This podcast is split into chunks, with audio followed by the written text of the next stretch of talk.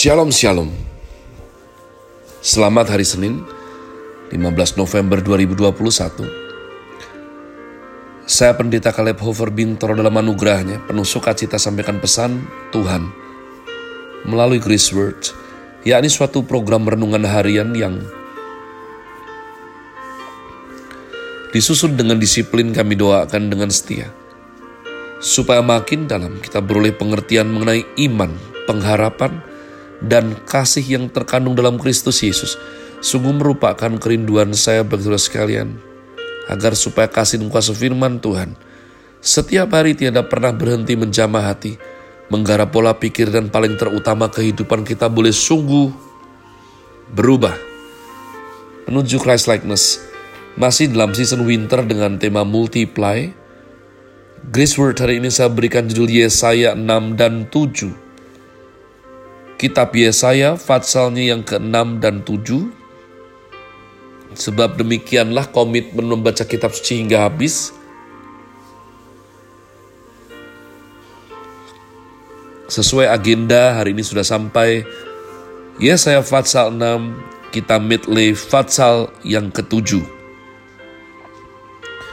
Yesaya mendapat panggilan Allah dalam tahun matinya Raja Uzia Aku melihat Tuhan duduk di atas tahta yang tinggi dan menjulang, dan ujung jubahnya memenuhi bait suci. Para serafim berdiri di sebelah atasnya, masing-masing mempunyai enam sayap. Dua sayap dipakai untuk menutupi muka mereka, dua sayap dipakai untuk menutupi kaki mereka, dan dua sayap dipakai untuk melayang-layang.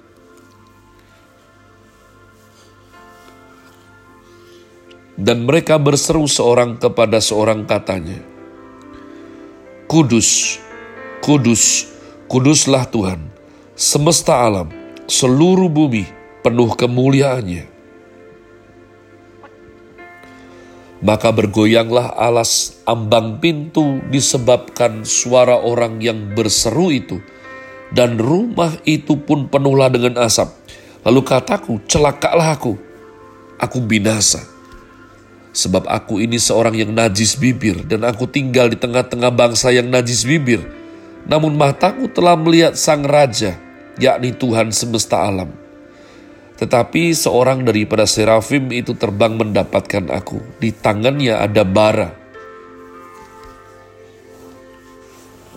Yang diambilnya dengan sepit dari atas mesbah. Ia menyentuhkannya kepada mulutku serta berkata, Lihat, ini telah menyentuh bibirmu, maka kesalahanmu telah dihapus dan dosamu telah diampuni. Lalu aku mendengar suara Tuhan berkata, siapakah yang akan kuutus? Dan siapakah yang mau pergi untuk aku? Maka sahutku, ini aku, utuslah aku. Kemudian firmannya pergilah dan katakanlah kepada bangsa ini,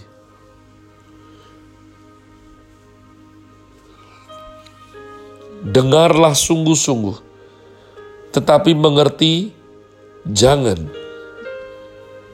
Lihatlah sungguh-sungguh, tetapi menanggap jangan.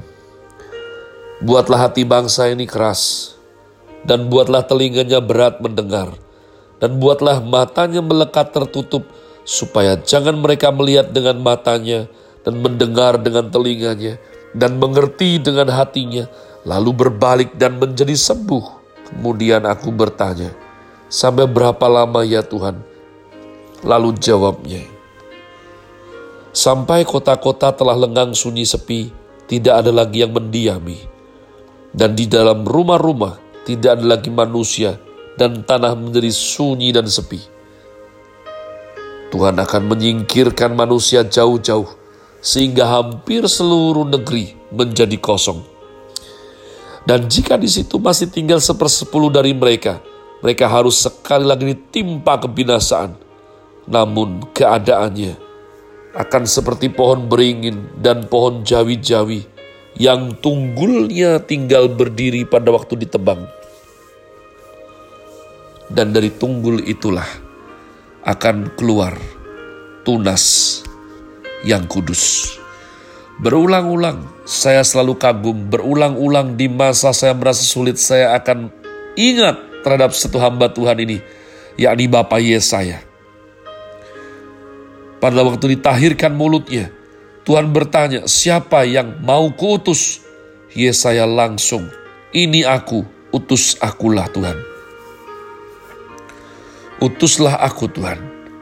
Yesaya tidak mengerti mau diutus apa, tapi di hadapan yang maha suci, dia menanggapi panggilan tersebut, ini aku, utuslah aku ya Tuhan. Panggilan pelayanannya sungguh amat sulit. Suruh memberitakan firman Tuhan dengan sungguh-sungguh tapi mereka tidak akan mengerti. Mereka tidak akan menanggap umat Tuhan. Bahkan buatlah bangsa ini keras, telinganya berat, matanya melekat tertutup. Jadi ini adalah sesuatu yang sulit sekali.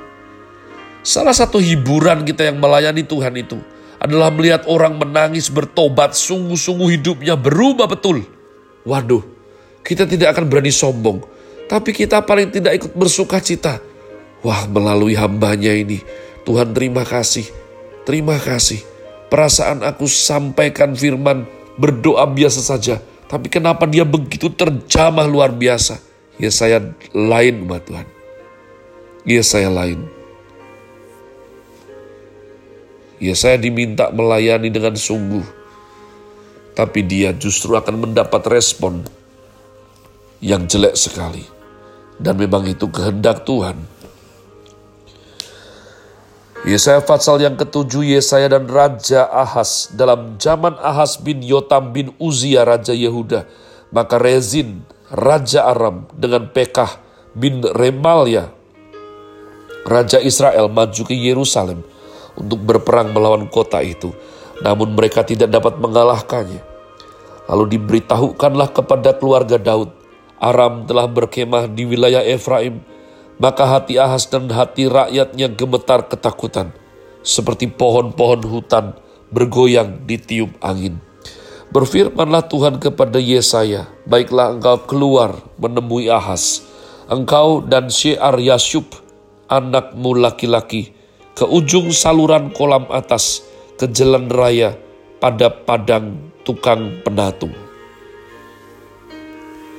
Dan katakanlah kepadanya, teguhkanlah hatimu dan tinggallah tenang. Janganlah takut dan janganlah hatimu kecut, karena kedua puntung kayu api yang berasap ini, yaitu kepanasan amarah rezin dengan Aram dan anak Remalia. Oleh karena Aram dan Efraim dengan anak Remalia telah merancang yang jahat atasmu dengan berkata, Marilah kita maju menyerang Yehuda, dan menakut-nakutinya serta merebutnya, kemudian mengangkat anak Tabiel sebagai raja di tengah-tengahnya. Maka beginilah firman Tuhan Allah, tidak akan sampai hal itu dan tidak akan terjadi. Sebab Damsik ialah ibu kota Aram dan Rezin ialah kepala Damsik. Dalam 65 tahun Efraim akan pecah, tidak menjadi bangsa lagi dan Samaria ialah ibu kota Efraim, dan anak Remalia ialah kepala Samaria. Jika kamu tidak percaya, sungguh kamu tidak teguh jaya. Ayat 10, pemberitaan mengenai Immanuel. Tuhan melanjutkan firman-Nya kepada Ahas katanya, Mintalah suatu pertanda dari Tuhan Allahmu. Biarlah itu sesuatu dari dunia orang mati yang paling bawah atau sesuatu dari tempat tertinggi yang di atas. Tetapi Ahas menjawab, aku tidak mau meminta. Aku tidak mau mencobai Tuhan. Lalu berkatalah Nabi Yesaya, baiklah dengarkan hai keluarga Daud. Belum cukupkah kamu melelahkan orang, sehingga kamu melelahkan Allahku juga. Sebab itu Tuhan sendirilah yang akan memberikan kepadamu suatu pertanda. Sesungguhnya seorang perempuan muda mengandung dan akan melahirkan seorang anak laki-laki dan ia akan menamakan dia Immanuel. Ia akan makan dadih dan madu sampai ia tahu menolak yang jahat dan memilih yang baik. Sebab sebelum anak itu tahu menolak yang jahat dan memilih yang baik, maka negeri yang kedua rajanya engkau takuti akan ditinggalkan kosong. Tuhan akan mendatangkan atasmu dan atas rakyatmu dan atas kaum keluargamu hari-hari seperti yang belum pernah datang sejak Efraim menjatuh menjauhkan diri dari Yehuda yakni raja Asyur. Pada hari itu akan terjadi Tuhan bersuit memanggil lalat yang ada di ujung anak-anak sungai Nil dan memanggil lembah yang ada di tanah Asyur. Dan semuanya akan datang hinggap di lembah-lembah yang terjal dan di celah-celah bukit-bukit batu, di segala pagar duri dan segala tanah penggembalaan. Pada hari itu dengan pisau cukur yang dipinjam dari seberang sungai Efrat, yakni Raja Asyur Tuhan akan mencukur kepala dan bulu paha, bahkan pisau itu akan melenyapkan janggut juga. Pada hari itu setiap orang akan memiara seekor lembu betina yang muda dan dua ekor domba.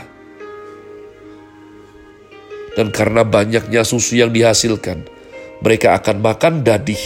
Sungguh, dadih dan madu akan dimakan oleh setiap orang yang masih tinggal di dalam negeri.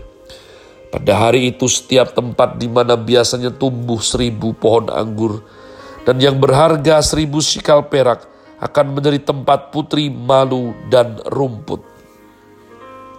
Orang pergi ke sana terpaksa membawa anak-anak panah dan busur, sebab putri malu dan rumput belaka seluruh negeri itu.